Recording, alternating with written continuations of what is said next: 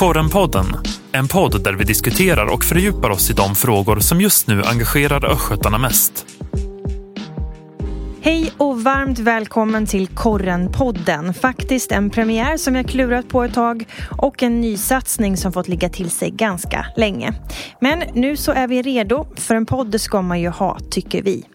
Här kommer vi att vara flera som tar med er lyssnare genom avsnitt där vi lyfter snackisar från vårt bevakningsområde och tar er bakom några av våra publiceringar. Vi hoppas kunna bjuda på mer reflektion och analys än det som syns utåt i våra kanaler annars helt enkelt. Och jag som leder samtalet denna gång heter Julia Järv. Men nu till något annat. Med mig i studion så finns två personer som jag i en vecka nyligen levt dygnet runt med för att bevaka situationen vid den ukrainska gränsen mot Europa. Albin Wiman och Frida Glenning Ströberg. Hej! Hej! Hej! Vi har ju precis eh, träffats igen här nu efter några dagars återhämtning efter resan. En väldigt tung reportageresa tycker jag själv. Hur mår ni, skulle ni säga? Ja, men, eh, bra. Lite trött fortfarande. Eh, det blev några hektiska dygn, men jag mår bra. Frida? Jag mår också bra. Eh, på ett sätt så går det fort att komma tillbaka till vardagen. Mm. Jag känner mig däremot då skulle jag säga ganska tagen fortfarande gråtmild, känslosam och har lite svårt att läsa eh, och lyssna till nyheter från kriget. Så. Det, det lever kvar i kroppen på något sätt. Svårt också att äh, svara på frågan tycker jag när folk frågar ja, men hur var det då? Mm. Varje, inte varje stad, men många städer som nämns nu på nyheterna har ju man helt plötsligt en, eh, någon slags relation till. Eh, med tanke på alla människor man har träffat mm. som har kvar familj i olika städer. Verkligen.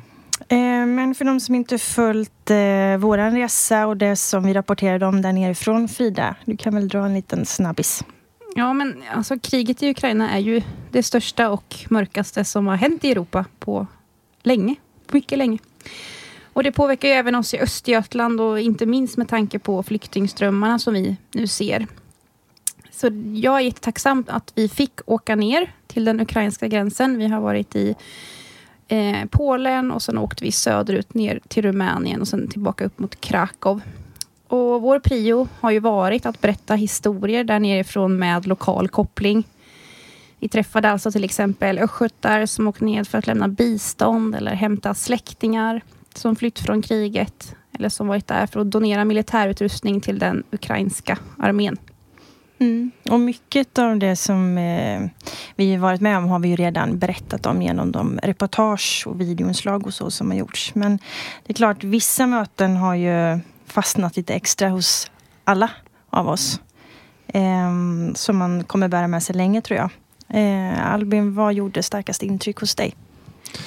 Ja, det är svår, svårt att liksom bara välja ut en eller två saker sådär. Men ska man ändå göra det så det, det som jag tänker på oftast tror jag är eh, en eh, ung tjej som heter Luisa som vi träffade i eh, Rumänien.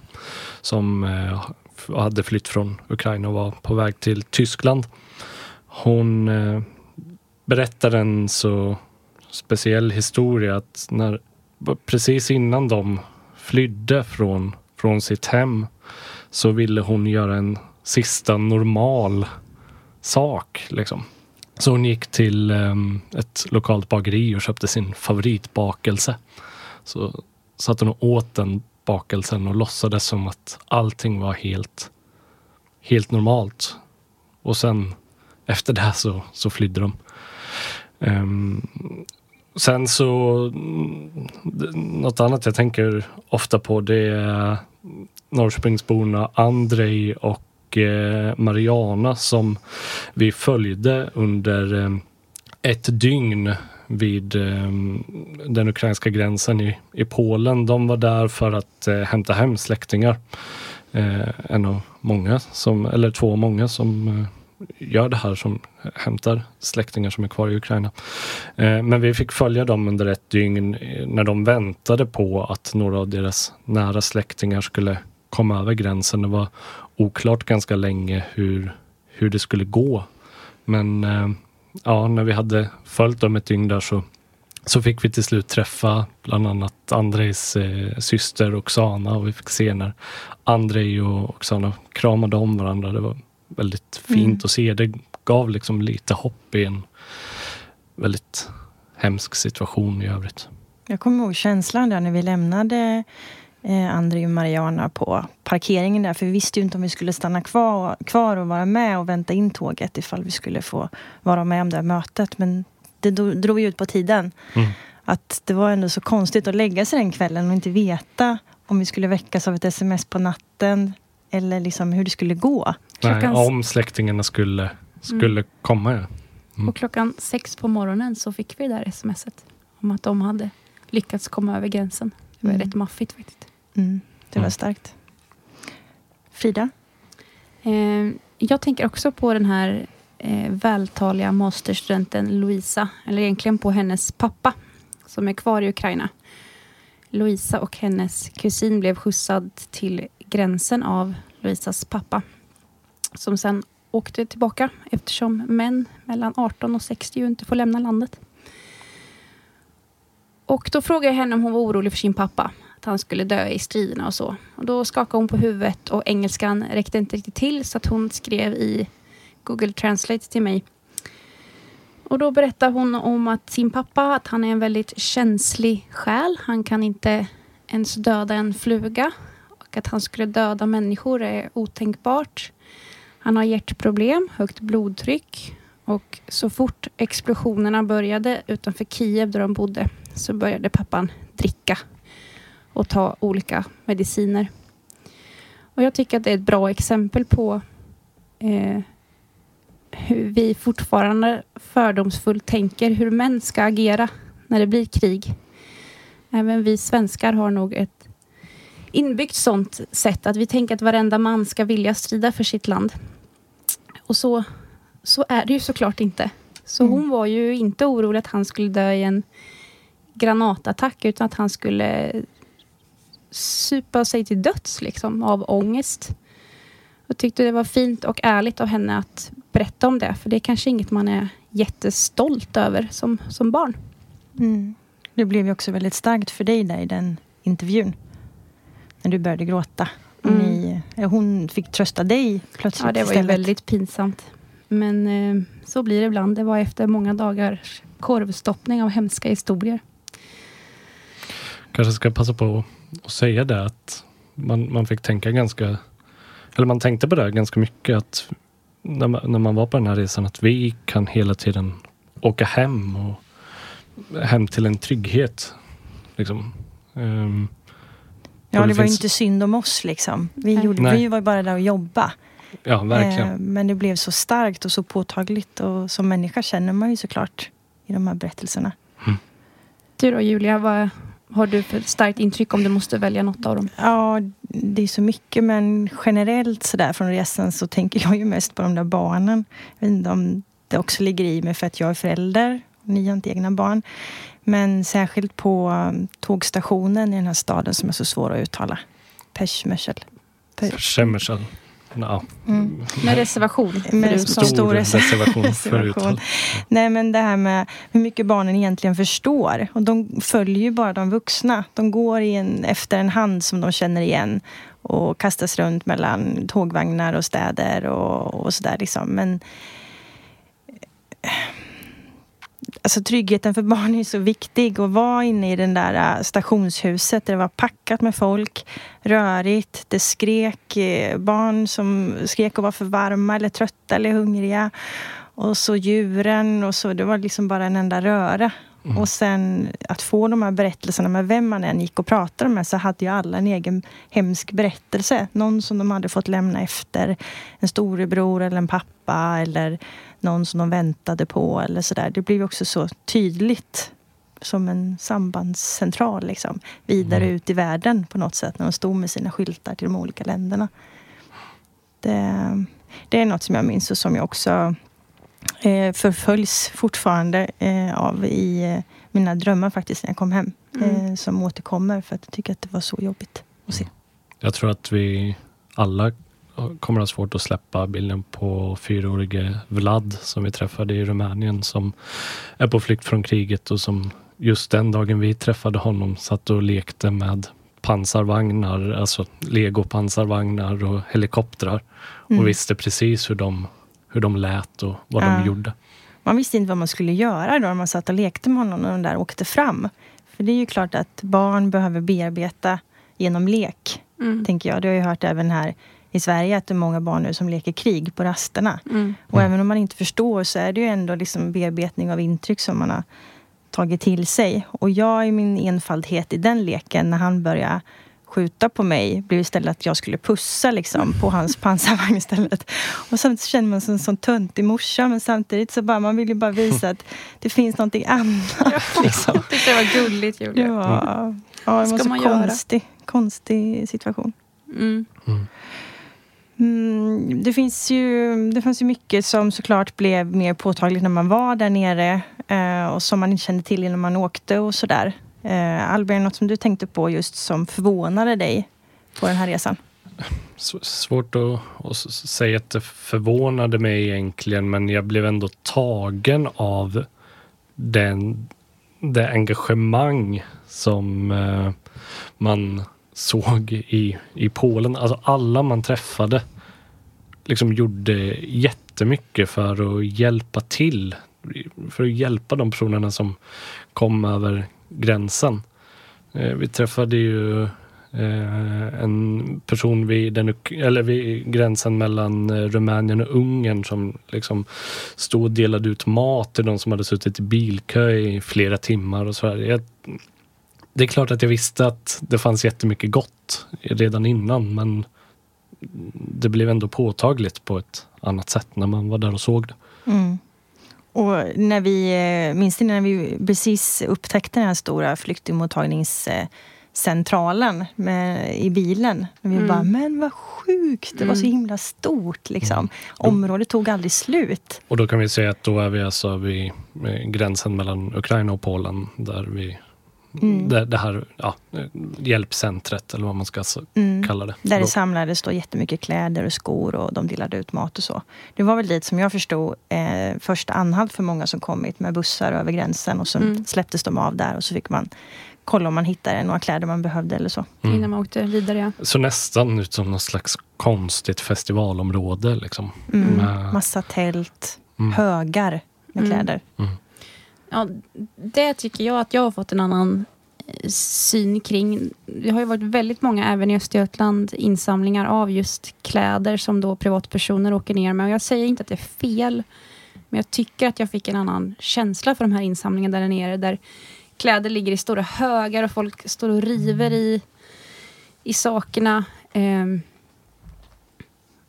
Ja, och sen tycker jag det även har blivit tydligare i journalistiken senaste veckan att det kanske är bättre att faktiskt ge pengar till organisationer som har jobbat med kris i många år och som vet exakt vad som behövs. Jag läste någon krönika om, jag tycker det är så sant, så här, om vi själva sätter oss in i om vi skulle, om vi skulle behöva fly till Norge imorgon och strunta i våra, våra jobb och våra hem och komma över gränsen. Vill vi ha någons gamla jacka då? Eller skulle vi vilja ha 2000 kronor och själva få bestämma vad vi ska köpa av dem? Mm. Allt människovärde har ju redan Mm. Degraderats. Ehm, och att förväntas vara tacksam då för någon annans avlagda eh, sommarklänning. Sommarklänning. Ja, precis. Mm. Eh, rent journalistiskt då? Inte helt eh, lätt att bara åka dit och titta och åka hem. Nej. Mm, jag tycker att det är mm, en ganska tunn linje mellan att skriva berörande journalistik och sen eh, ägna sig åt, har inget bättre ord än liksom känsloporr. När, jag, när vi skulle ner till gränsen så var det en släkting till mig som ehm, var med i, ehm, inte, han var inte med, men han eh, jobbade i Bosnienkriget kan man säga, som psykiatriker. Och han sa att den värsta frågan när han kom hem, det var att få höra, fråga hur han mådde. Att det är en sån dum fråga. Och det tyckte jag ofta att man kände att sina frågor var, vad, vad fan frågar man någon som har flytt ett krig?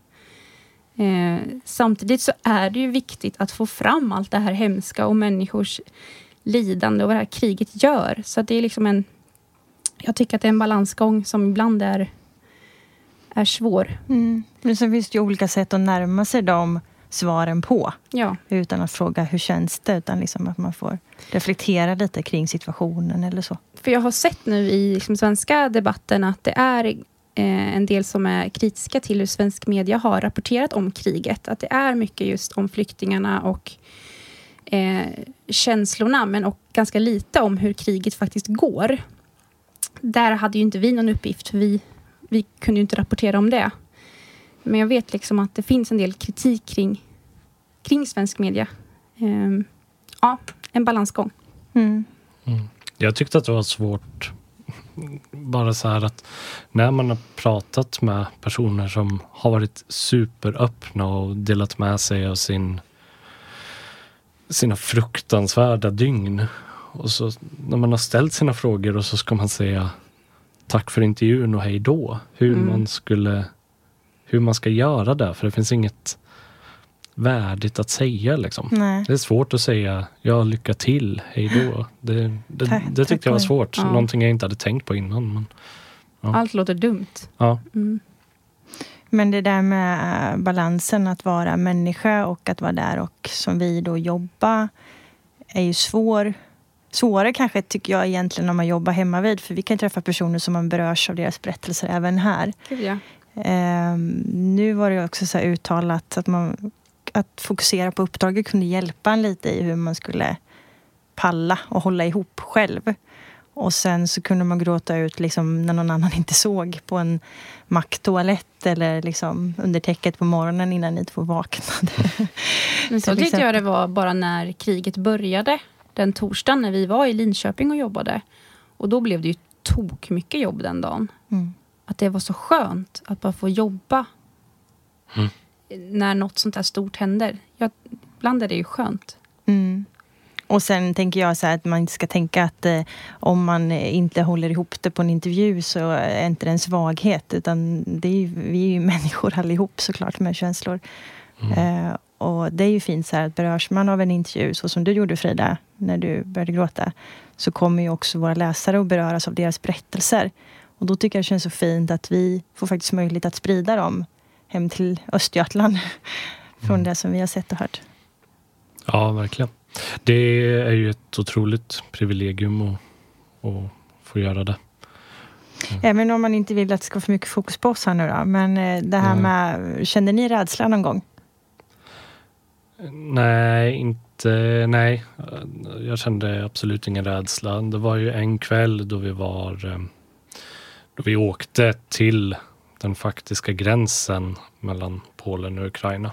Eh, och då var det väldigt mycket poliser och det var i övrigt helt becksvart ute. Och då kunde man väl känna någon liten obehagskänsla sådär, men inte, inte mer än så. Jag tyckte mer det var innan när vi var på väg ner. För man inte visste vad man skulle mötas av. Och många som skrev till en att ta hand om dig och vara rädd om dig och vara försiktig och så. Mm. Men eh, Och så här, vad modiga ni är. Då känner jag så här bara, oj, nej, vi är inte modiga, så vi kanske är lite dumma. Och så borde man vara modig för det här? Är det någon risk? Alltså man börjar, ju- det satte mig igång tankar. Så här, man kände sig inte så katig där nere. Nej. Samtidigt så tycker jag återigen då att man kände sig så himla privilegierad. Mm. Att här, när som helst kan jag bara åka hem från det här. Det, ja, mm. jag vet Mm. inte. Vardagen fortsätter när man kommer hem. Och nu har vi varit hemma i några dagar efteråt. Eh, jag tror vi känner lite olika kring hur lätt eller svårt man har tyckt det varit att komma in i det vanliga rullet igen. Liksom. Eh, men eh, en sak som jag tycker är när man kommer hem, att vissa saker blir så himla banala.